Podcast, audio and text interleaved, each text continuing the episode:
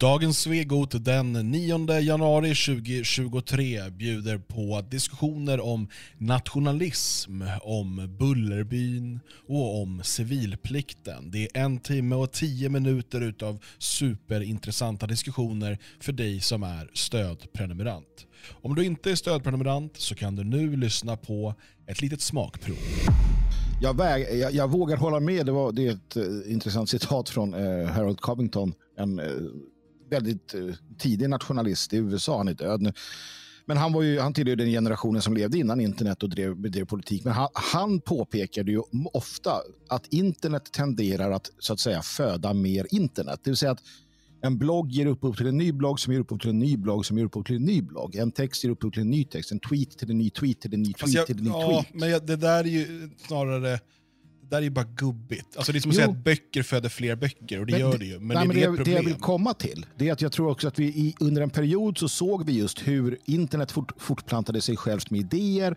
Men sen går man över till en ny, en ny del av utvecklingen, en ny, eh, vad ska man säga, en ny fas där internet de facto eh, just skapar förutsättningar för att samla människor, till exempel som vi gör i Elgarås, eller det finns andra alternativ som, som börjar på internet, som föds på internet och sen kommer samman och skapar någonting i den verkliga världen.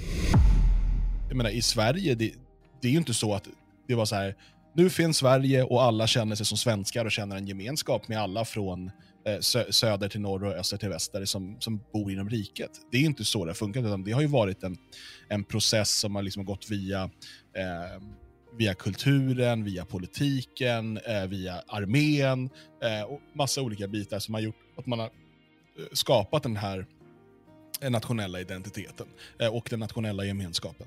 Ehm, det finns ju folk, i, alltså, som skåningar till exempel, som inte alltid har tillhört Sverige. Det har inte varit självklart, och det är för en del skåningar fortfarande inte självklart, att de ska ha en svensk identitet och en, känna en del av en svensk av en svensk nation, även om de flesta skåningar gör det idag.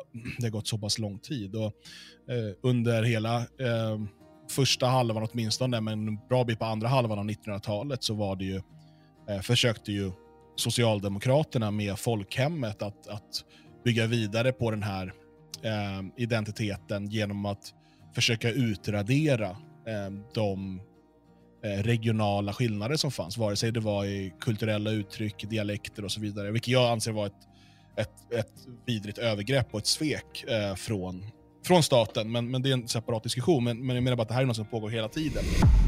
Och eh, det slog mig plötsligt den här, det kom ju upp i eh, somras, eller när var det, var någon som började diskutera med kulturkanon igen. Det kanske var inför valet, eh, det är inte omöjligt. Eh, Eh, danskarna har ju det i skolan, en kulturkanon. Det låter lite fånigt kanske och lite svårt att skapa och lite svårt att eh, engagera sig helt för, men det är nog inte helt eh, fel. Man måste till exempel studera svensk historia för att få eh, det här nationella förhållningssättet. Eh, det måste man ju ha i skolan, annars, kom, annars kommer folk inte att bli det. Ungefär som, precis samma sak som att man hade ett par kanaler förut det behöver ju inte vara det bästa. Jag menar i de kommunistiska länderna har de en kanal oftast eh, eh, som allting ska utgå från och det är ju inte nationell, eh, nationella riken, eh, varken gamla Sovjet eller dagens Kina eller något sånt.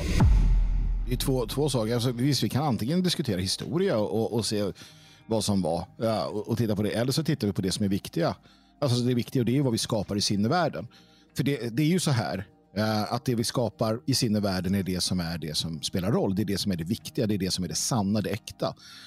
Eh, och det är det som sen också fortplantar sig till den värld vi lever i. Ehm, och Det är därför de är så rädda för visionen och myten och drömmen. Det är därför de ska slå ner på den så stenhårt som de gör.